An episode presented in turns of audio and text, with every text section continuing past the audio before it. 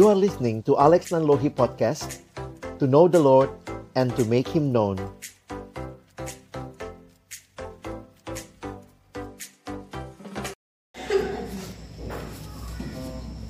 Mari sama-sama kita tunduk kepala sebelum kita membaca merenungkan firman Tuhan kita berdoa. Bapa di dalam surga kami akan membuka firman-Mu. Bukalah juga hati kami. Jadikanlah hati kami seperti tanah yang baik.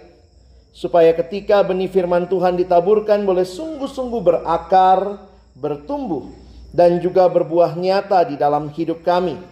Berkati hambamu yang menyampaikan setiap kami yang mendengar. Tuhan tolong kami semua. Agar kami bukan hanya jadi pendengar firman yang setia. Tapi kami boleh jadi pelaku-pelaku firmanmu. Di dalam hidup kami. Di dalam masa muda kami. Bersabdalah ya Tuhan. Kami anak-anakmu sedia mendengarnya dalam satu nama yang kudus. Nama yang berkuasa. Nama Tuhan kami Yesus Kristus. Kami menyerahkan pemberitaan firman-Mu. Amin. Malam hari ini tema kita apa? Wah, Yesus jawaban dalam hidupku. Tadi kalau kalian mendengarkan lagu yang dinyanyikan oleh abang kakak dari STT Trinity, kelas misiologi kami menyanyikan siswa apa yang kau cari. Banyak orang mencari berbagai hal dalam dunia ini. Pertanyaannya, apakah mereka menemukan jawaban yang sejati? Saya pikir tidak kebetulan Bapak Pendeta Dr. Insinyur Mangapul Sagala kelahiran dari Bonandolo. Banggalah kalian bahwa di sana lahir seorang yang boleh mengenal Tuhan dan kemudian berkarya dengan luar biasa. Bukan hanya di Sumatera Utara ini, ada STT kita di sini, tapi juga pelayanan beliau Tuhan pakai jadi berkat sampai keluar negeri. Jadi jangan pernah punya perasaan minder, oh saya dari kampung terpencil di sana. Semua orang yang mengenal Tuhan belajar memberikan yang terbaik buat Tuhan. Ya. Jadi Amang berharap malam hari ini kalian sama-sama punya semangat meniru juga apa yang sudah Amang Pendeta Mangapul Sagala lakukan ya. Banggalah kalian. Termasuk juga STT kita di sini adalah apa yang menjadi visi yang Tuhan berikan kepada Amang Pendeta Mangapul Sagala. Saya adalah adik binaan dari Bapak atau pendeta Mangapul Sagala. Jadi saya mengenal dia sekian tahun. Saya mengalami banyak perubahan, pertumbuhan dalam iman saya juga. Karena beliau. Beliau adalah alumni Universitas Indonesia. Saya juga dari Universitas Indonesia, adik kelasnya. Tapi jauh di bawah ya. Jadi bersyukur melalui beliau kami kenal Tuhan jadi kalau ditanya, ada nggak hubungan saya sama Bonandolo? Adalah dikit-dikit ya. yang memperkenalkan saya sama Tuhan adalah Bapak Mangapul Sagala yang kelahiran Bonandolo. Jadi hari ini kita sama-sama mau melihat. Mungkin biar Amang lebih dekat sama kalian, bolehlah sekali-kali Amang turun dari mimbar ya. Ya jangan kalian yang naik kemari ya, nggak usah. Amang aja yang ke sana ya. Oke. Kita akan melihat dua ayat malam ini. Cuma dua ayat saja ya. Tapi yang kita akan perhatikan. Yang pertama. Sartika bisa dibalik kemari deh. Supaya saya nengok di situ juga. Kalau enggak nanti saya begini terus. Kalian pikir ini jemaatnya di sini bukan ya. Nah. Kita akan lihat. 2 Korintus 5 ayat 17. Nah, yang bawa Alkitab tolong buka Alkitabnya. Kalau abang kakak STT Trinity ini ayat hafalan. Tutup mata pun bisa mereka. Ya. Ayo kita baca sama-sama. Nggak hafal lihatlah ke depan ya. Ada ayat ke depan ya. Tapi buka dulu Alkitabmu ya. Abang mau lihat kalian buka Alkitab. Ayo semua baca sama-sama satu dua. Iya. Jadi.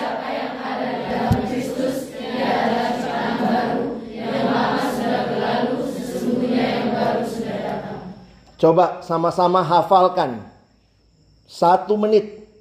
Buat adik-adik dari Bonandolog belum pernah hafal mungkin coba hafal ayat ini satu menit.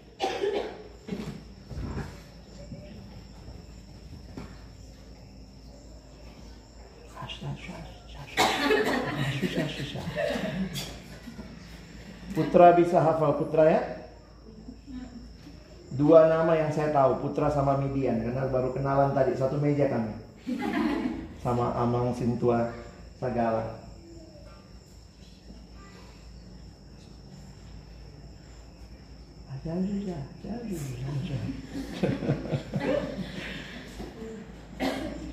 Caranya menghafal itu hafal dengan pengertian. Cara kedua hafal dengan gerakan. Ah, jadi siapa yang ada di dalam Kristus? Wah, dia adalah ciptaan baru. ya, baru kan, bukan yang lama. Yang lama sudah berlalu, ada yang bilang yang lama sudah berlalu, yang baru sudah datang. Coba bikin gerakanmu sendiri. Biar biar gampang hafalnya, biar ingat kan malam ini ayatnya dari mana? Nah ini salah satunya. Amang pilih dua ayat ya, nanti ada salah dua ayatnya. salah satu, salah dua. Kalau salah tiga nama kota. Oke, sudah bisa? Bolehlah pakai gerakan masing-masing di tempat aja ya. Jangan pulang buk temannya sebelah ya. Abang kakak yang dari Trinity yang kayaknya agak bandal ya. Ayo kita hafal sama-sama. Satu dua ya. Jadi siapa yang ada dalam Kristus, ia adalah ciptaan baru. Yang lama sudah berlalu, sesungguhnya yang baru sudah datang. Luar biasa ayat ini ya. Siapa yang ada di dalam Kristus? Dia adalah ciptaan baru yang lama sudah berlalu, sesungguhnya yang baru sudah datang. Ada seorang bernama John Stott, dia bilanglah hidup manusia itu seperti novel. Novelnya judulnya Hidupku.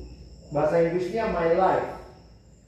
Sebenarnya novel hidup kita itu terbagi dua. Ada jilid satu, novel jilid satu, ada lagi novel jilid dua. Jadi sebenarnya hidup kita ini di dalamnya seperti sebuah novel dua jilid. Apa jilid satunya?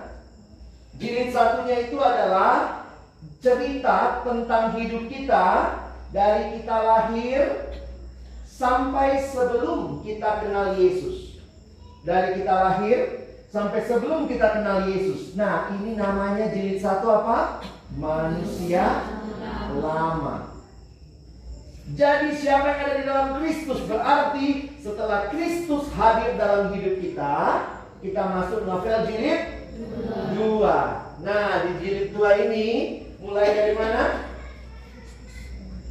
Mulai dari setelah kita terima Yesus dalam hidup kita sampai nanti kita bertemu dengan Yesus. Dia datang kedua kalinya.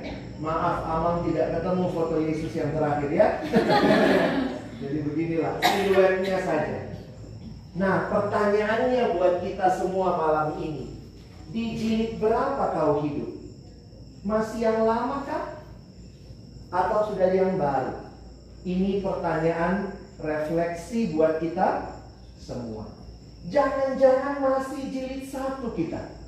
Masih nikmati dosa-dosa dan itu yang kita mau lihat malam ini. Bagaimana hidup kita sejak masa muda? Biarlah novel hidup kita benar-benar boleh dituliskan dengan kehadiran Yesus. Amang pikir begini ya, Siapalah Yesus ini?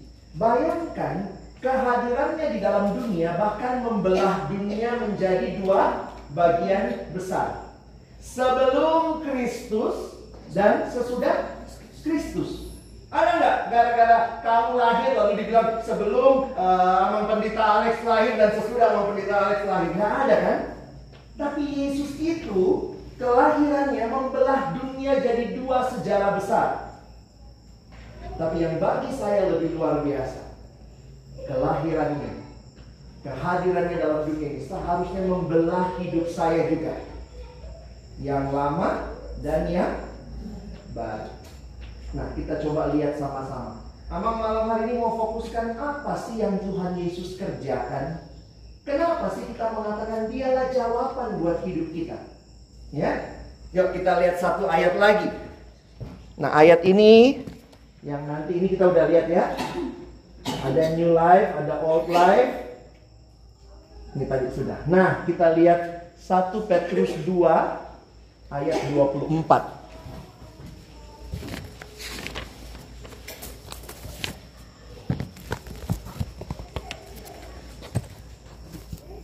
Boleh ya, Amang turun ke Maria biar lebih dekat sama kalian ya.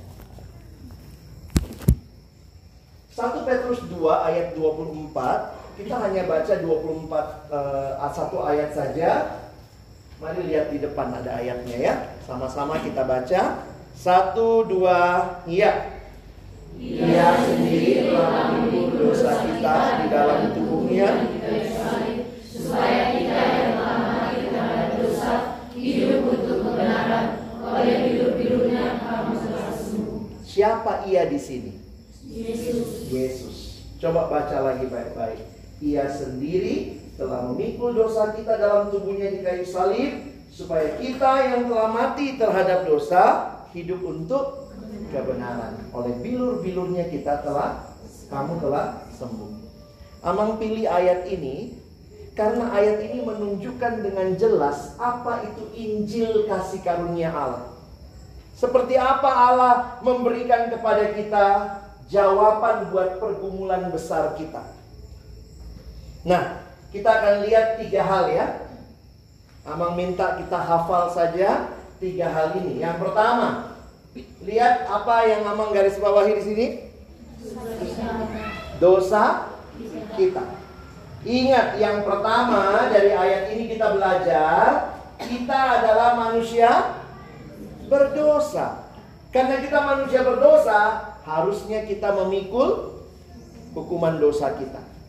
Kalau kau salah di rumah, kau yang bikin adikmu menangis, maka siapa yang harus dihukum? Ya, yang bikin adiknya nangis lah ya. Jangan kau bikin adiknya nangis, marahin opung, opung ini nggak ada hubungannya gitu ya. Dosa harus dihukum. Dan ini lihat, ini dosanya siapa? Dosanya kita. Jadi dua kata pertama Amang minta kalian hafal enam kata malam ini. Dua kata pertama adalah dosa kita. Siapa sih yang ciptakan manusia? Siapa yang ciptakan manusia? Tuhan kan? Tuhan Yesus ciptakan manusia, Allah menciptakan kita, maka kita mesti mengerti bahwa Allah lah yang punya rencana yang indah buat kita. Tapi waktu perhatikan, nah Amang mau kita belajar sebentar begini ya. Tuhan itu menciptakan kita dalam relasi. Lihat relasinya. Manusia diciptakan dalam empat relasi. Pertama relasi dengan Tuhan sendiri, lalu juga relasi dengan orang lain, dengan orang tua, guru, teman. Ada juga relasi dengan diri sendiri dan juga relasi dengan alam. Nah, kita senam malam-malam ya, biar gampang diingat. Allah menciptakan kita untuk menyembah Dia, mengasihi sesama, menerima diri, memelihara alam. Ayo ikut ya. Menyembah Allah, mengasihi sesama, menerima diri, memelihara alam. Jadi begitu. Apa ya susunannya, tatanannya? Allah itu diapain? Disembah. Sesama dikasih. Jangan pula buk gitu ya sesama. Diri sendiri diterima. Banyak remaja susah menerima diri.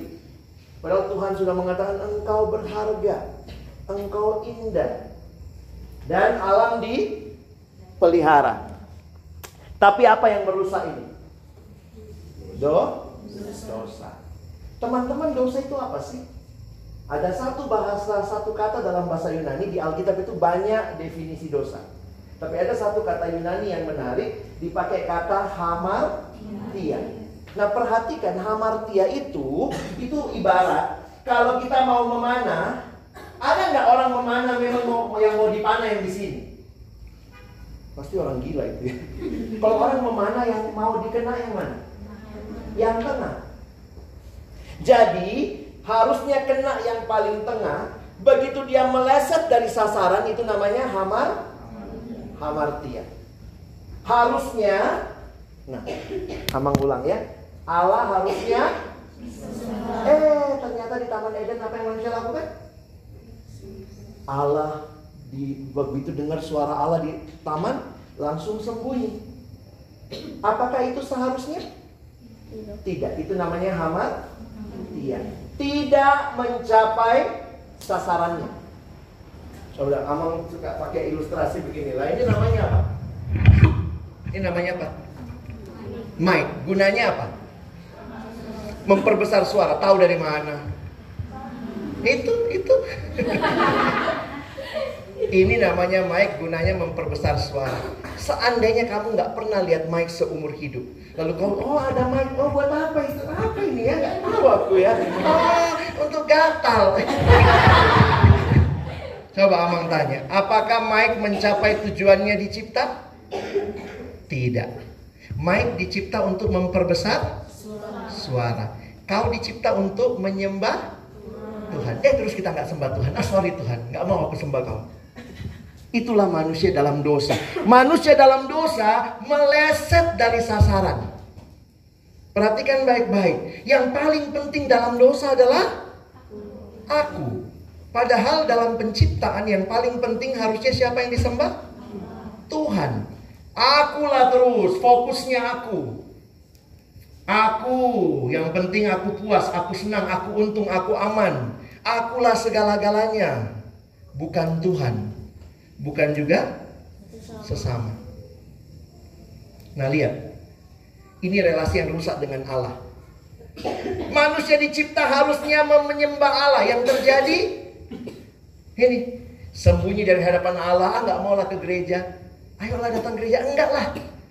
Nanti Tuhan cari kau, carilah kalau gitu. Banyak orang sombong, dia rasa dialah Allahnya. Belum lagi yang sembah okultisme, itulah manusia. Dosa bikin kita bodoh. Orang dalam dosa itu kena penyakit jugulisme. Nggak bisa dibilangi. Udah dibilang tinggalkanlah itu, nggak benar itu. Tapi itulah ya. Di dalam dosa manusia selalu mencari yang bukan Allah. Jadi bayangkan ya, Allah harusnya disembah malah nggak disembah. Malah yang disembah yang bukan Allah. Bodohnya luar biasa. Sesama bagaimana tadi? Sesama harusnya Oh betul-betul. Oh buh, mati kau. Masih ingat kejadian pasal 4? Seorang abang tega bunuh adiknya sendiri. Itu dosa. Harusnya abang itu mengasihi. Inilah relasi yang rusak dengan sesama. Allah kan sudah ciptakan suami istri, orang tua anak, guru, murid, majikan, pekerja, laki-laki, perempuan. Ketika sesama itu harusnya saling mengasihi jatuh dalam dosa yang terjadi ini. Saling menyalahkan, saling mengeksploitasi, bahkan saling membunuh. Waktu ditanya Adam, kau makan buah pohon itu, apa kata Adam? Ini, ini perempuan ini. Lucu ya. Coba di rumah begitu nggak? Kaunya yang bikin salah. Adek mak adek. Itulah manusia dalam dosa. Nggak pernah bilang aku yang salah. Selalu orang lain. Bukan cuma kalian, kakak-kakak di Trinity juga begitu. Kau yang salah, dia bang, dia pak, gitu ya. Itulah cenderungnya manusia dalam dosa selalu cari kambing hitam. Nah, jadi kamu udah ngerti lah ya. Kalau selalu nyari, memang ya manusia itu dasarnya self center. Akulah segala-galanya. Mau bukti? Coba ya nanti Amang lihat habis ini misalnya kalau kita foto semua ini berapa kita 30 orang 40 orang ini ya begitu selesai fotonya jadi numpang tanya foto siapa yang kau cari lebih dulu jujur foto siapa yang kau cari mau lihat Amang Sagala, Amang Sintua kayak mana? Eh, pasti kau cari fotomu sendiri. Ih, aku mataku tutup. Kepalaku bengkok gitu ya. Jadi itu udah ciri-ciri manusia dalam dosa. Selalu yang paling utama dirinya. Coba kalau ditanya, siapa yang paling ganteng? Paling jelek? itu udah natur dosa itu. Manusia selalu merasa dirinya segala galanya. Ayo, dengan diri sendiri harusnya tadi diapain? Allah disembah, sesama dikasihi, diri sendiri dosa jadinya manusia tidak terima dirinya. Yang terjadi ini menggunakan membandingkan diri dengan orang lain. Kita kadang suka minta apa yang orang punya. Kalau lihat orang cantik, ayo, kalau lihat orang cantik, apa yang terjadi? Cantik banget sih. Marah. Itulah manusia dalam dosa ya. Lihat yang pintar, lihat yang pintar. Pintar banget sih. Sini kau, oh jatuh kau, geger otak hilang semua. Malah sumpahin loh, itu ngeri ya. Manusia dalam dosa suka membanding-bandingkan diri. Tidak mampu menilai diri. Ketemu yang terlalu bodoh, sombong dia. Ih, gitu aja nggak bisa. Ketemu yang pintar kali, iya iya. Jadi manusia nggak bisa lihat dirinya tepat di hadapan Allah. Padahal Tuhan bilang engkau ber berharga. Alam harusnya diapai? Jelas ya, dipelihara. Tapi begitu manusia jatuh dalam dosa, inilah bodohnya, goblok. Manusia menyembah alam. Lihat pohon besar, permisi opung ya, makan-makan dulu, rokok-rokok dulu. Taruhlah sesajen di bawah pohon. Yang harus disembah Allah, yang harus dipelihara alam. Terbalik, alam malah disembah. Ini bodohnya luar biasa manusia dalam dosa. Alam akhirnya dirusak, dieksploitasi. Jadi sebenarnya betapa mengerikannya dosa. Meleset dari sasarannya Tuhan. Kalau kau jadi Tuhan, nah ya numpangnya, anggaplah kau jadi Tuhan nih. Terus ternyata yang kau cipta kayak gitu. Aku ciptakan kau ya untuk memperbesar suara. Taunya kesel nggak jadi pencipta? Kesel juga ya. Saya coba bayangkan kalau saya jadi Tuhan ya. Ih, jugul kali orang ini ya. Ku cipta kau untuk menyembah aku, kok lari kau? Saya cipta kamu untuk mengasihi sesama. Tapi tidak terjadi karena dosa. Dosa membelenggu hidup kita.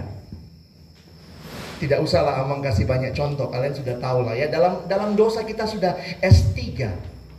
Bukan lagi kan ada sarjana, S1, S2. Dalam dosa kita sudah jago sekali. Banyak orang yang terikat dengan hal-hal seperti ini. Judi, rokok. Ada yang bilang kan nggak apa-apa lah rokok-rokok sedikit. Itulah saya pikir kan gimana lah jadi Tuhan ya. Kemarin Amang khotbah sama abang kakak di STT. Kita minta Tuhan kasih kesehatan. Rokoknya jalan terus. Gimana? Kita doa Tuhan berikan aku kekudusan. Nonton film porno. Itu kan film-film miskin itu ya nggak punya nggak punya baju orang itu. Miskin kali tuh cowoknya nggak pakai baju ceweknya nggak pakai baju. Tapi itulah manusia senang dengan hasrat-hasrat yang tidak benar. Manusia bisa juga diikat oleh ini kan handphone ini juga jadi alat-alat modern yang mengikat kita. Di handphone itu juga lah kita jatuh dalam dosa. Pornografi ini beberapa contoh saja ya. Dan kalian sebagai anak-anak remaja Jangan bilang di kota, di desa, samanya. Akses informasi sekarang sangat gampang. Anak sekarang paling marah kalau apa? Habis kuotanya. Gak ada lah ininya. Jadi kadang-kadang saya lihat inilah realitanya. Coba kita baca sama-sama. Betapa ngerinya dosa. Satu dua ya. Dosa menyusup.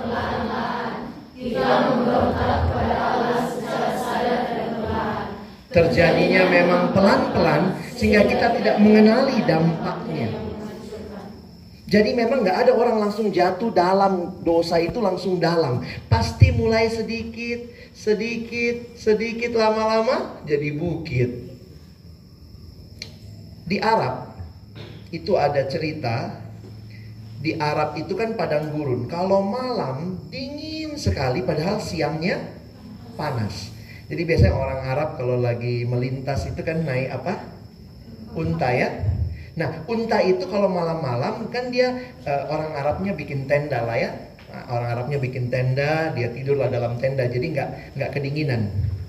Unta kadang kalau kedinginan mau dia masukkan kepalanya itu, masukkan kepalanya ke dalam tenda. Nah kalau sudah masuk kepalanya, teorinya harus langsung diusir. Karena kalau kita bilang iya kasihan kali unta ini udah nggak apa-apa lah kepalamu ya masuk sini. Aku tidur sama kepala unta. Nanti lama-lama masuk lehernya. Nggak lama lagi masuk badannya.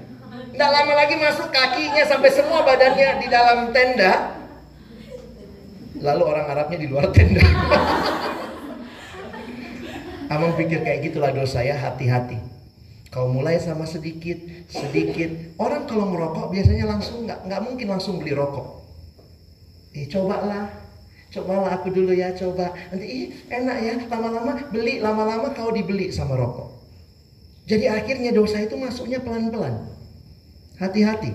Kita iri hati kalau kita biasakan, ih dia punya itu, dia punya itu lama-lama makin dalam itu. Makanya hati-hati dengan dosa di dalam hati sebenarnya. Begitu lihat yang cantik, ih, cantik banget. Sini main-main dekat aku, aku kater kau mukamu. uh, gitu. Langsung lah bayangannya sampai sampai gitu ya, sampai ngeri gitu. Ayo, apa yang terjadi kalau kita dalam dosa? Satu dua ya. Kita kehilangan rasa hormat terhadap diri sendiri.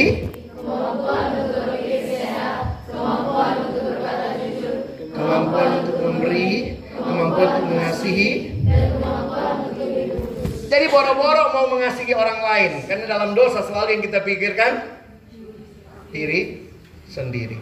Tidak heran Alkitab berkata dosa membawa ketidakpastian, rasa bersalah, kekosongan, frustasi. Roma 6 ayat Roma 3 ayat 23. Upah dosa adalah maut dan betapa mengerikannya dosa. Saya harap kita tidak merasa dosa ah cuman kecilnya itu ah lagi melanggar hukum Allah, tapi itu adalah satu hal yang kita lakukan dengan sadar, berontak kepada Allah.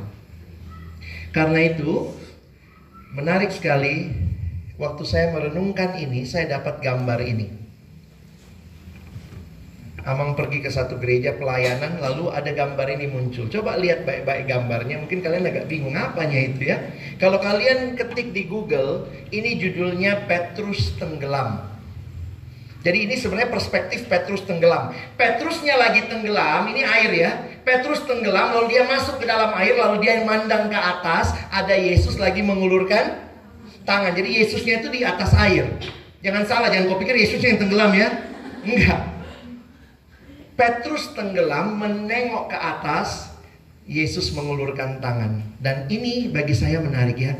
Ini fakta, manusia tidak dapat menyelamatkan diri dari dosa.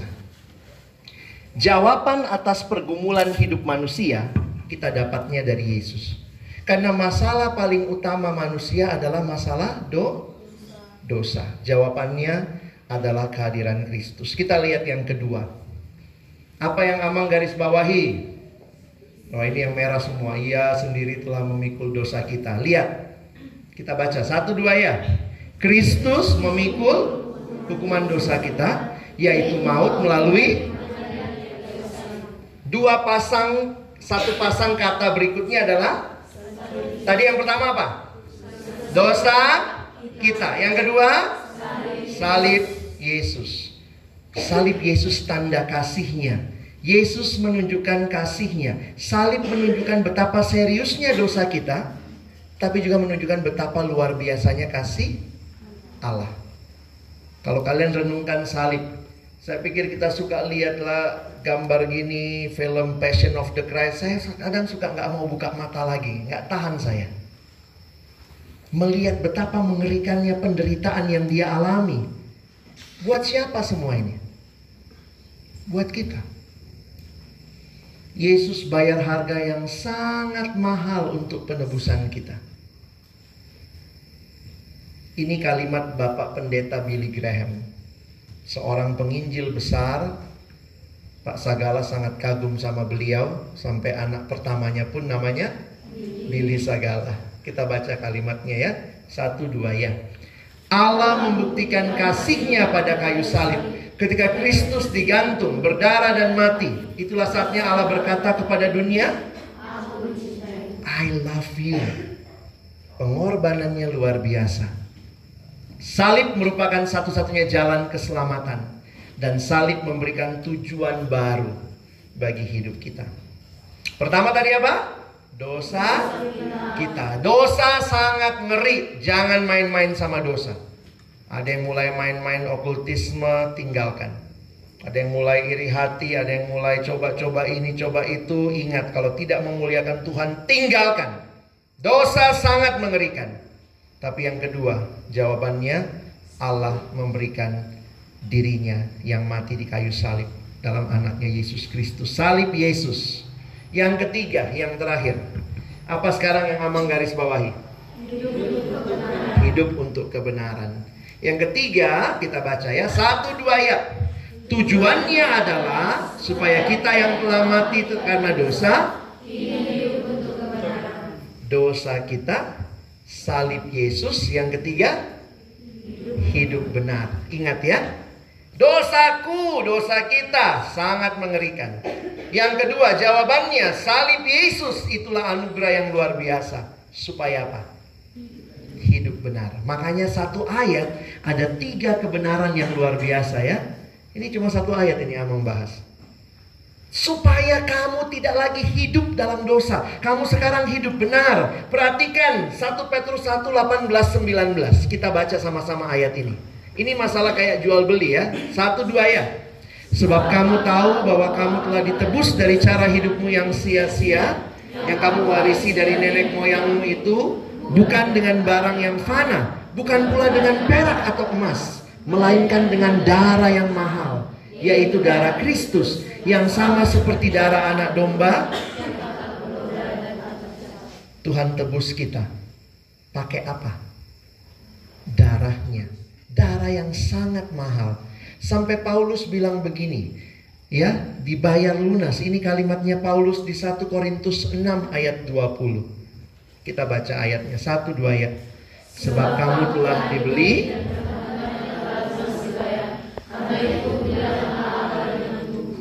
Pernah nggak nyanyi lagu sekolah minggu? Hati-hati gunakan tanganmu, papa. Hati-hati gunakan matamu, bling bling gitu ya. Hati-hati gunakan mulutmu, amin. Persis ayat ini. Kamu telah dibayar lunas. Kalau saya, kalau Amang beli ini, misalnya Amang beli uh, apa iPad ini, saya beli ya. Berarti sekarang punya siapa? Punya saya yang beli. Berarti semuanya harus dipakai untuk untuk kepentingan saya. Kalau kau dibeli oleh Kristus, harganya lunas dibayar. Makanya Paulus bilang, muliakanlah Tuhan dengan tubuhmu. Hati-hati pakai matamu. Apa yang Tuhan mau kau lihat? Jangan mulai ngintip-ngintip, jangan mulai pakai nonton-nonton film porno, jangan mulai apa kau pakai telingamu? Dengar-dengar gosip. Kadang-kadang anak remaja sekarang ada juga itu ya, kayak pakai headset seharian gitu ya saya sampai saya mungkin kan orang tua kali ya nggak nggak nggak bisa saya pakai headset 15 menit udah sakit kuping saya ada yang pakai begitu dengar ah, dipanggil mamanya woi gitu nggak dengar gitu ngeri ya. Ayo kita baca lagi satu ayat ya. Satu dua ya. Dan Kristus telah mati untuk semua orang.